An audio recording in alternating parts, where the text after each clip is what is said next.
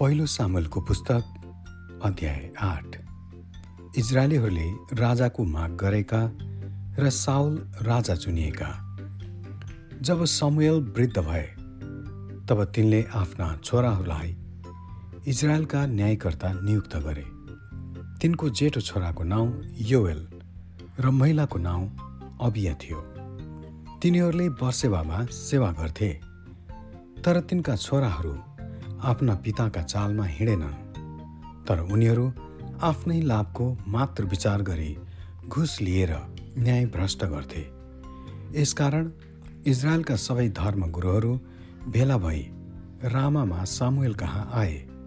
तिनीहरूले तिनलाई भने तपाईँ अब वृद्ध हुनुभयो अनि तपाईँका छोराहरू तपाईँका चालमा हिँड्दैनन्। यसकारण अरू जातिहरू जस्तै हामीमाथि शासन गर्नलाई एकजना राजा नियुक्त गरिदिनुहोस्। तर शासनको निम्ति राजाको माग सुनि समेल दुखित भए। तिनले परमप्रभुसित प्रार्थना गरे। तब परमप्रभुले समेललाई यसो भन्नुभयो मानिसहरूले भनेका सबै कुरा सुन। तिनीहरूले तँलाई इन्कार गरेका होइनन्। तिनीहरूले मलाई नै इन्कार गरेका हुन्। मलाई नै तिनीहरूले आफ्ना राजा बनाउन इन्कार गरेका हुन्।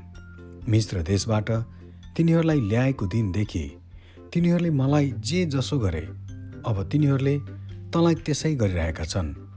तिनीहरूले मलाई त्यागेर अरू देवताहरूको पूजा गरेका छन्। तिनीहरूले अब के भन्दैछन् सो सुन। तर तिनीहरूलाई गम्भीर चेतावनी दिएर बताइदिए कि राजाले तिनीहरूमाथि कस्तो शासन गर्नेछन्। राजाको माग राख्ने मानिसहरूलाई परमप्रभुले भन्नुभएका सबै कुरा समेलले बताइदिए। तिनले भने तिमीहरूमाथि शासन गर्ने राजा यस्ता किसिमका हुनेछन्।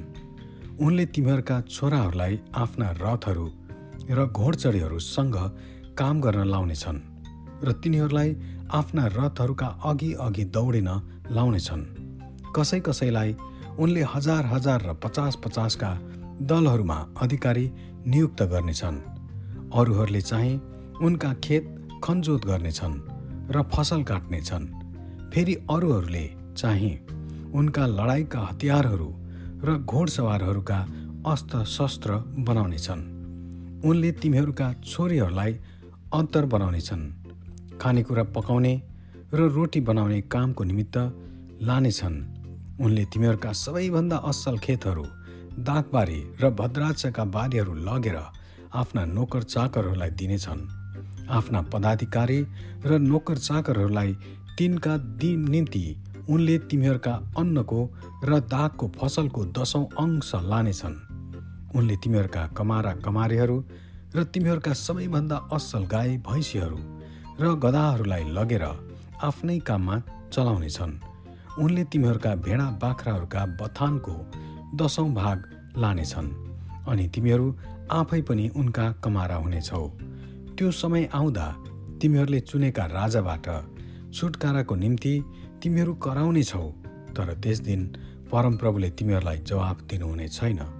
तर मानिसहरूले समिलको कुरा सुन्न इन्कार गरे। तिनीहरूले भने होइन हामीमाथि राजा हुनै पर्छ। तब हामीलाई शासन गर्ने र लडाइँ गर्न लैजाने राजा पाउँदा हामी अरू जातिहरू जस्तै हुनेछौँ। मानिसहरूले भनेका कुरा सुनेपछि समयले परमप्रभुको अघि दोहोऱ्याए अनि उहाँले यस्तो जवाफ दिनुभयो तिनीहरूले भनेका कुरा अनुसार गर र तिनीहरूका निम्ति एकजना राजा नियुक्ति गर। तब समयले इजरायलका सबैभन्दा मानिसहरूलाई आआफ्नो घरमा पठाइदिए। आमेन।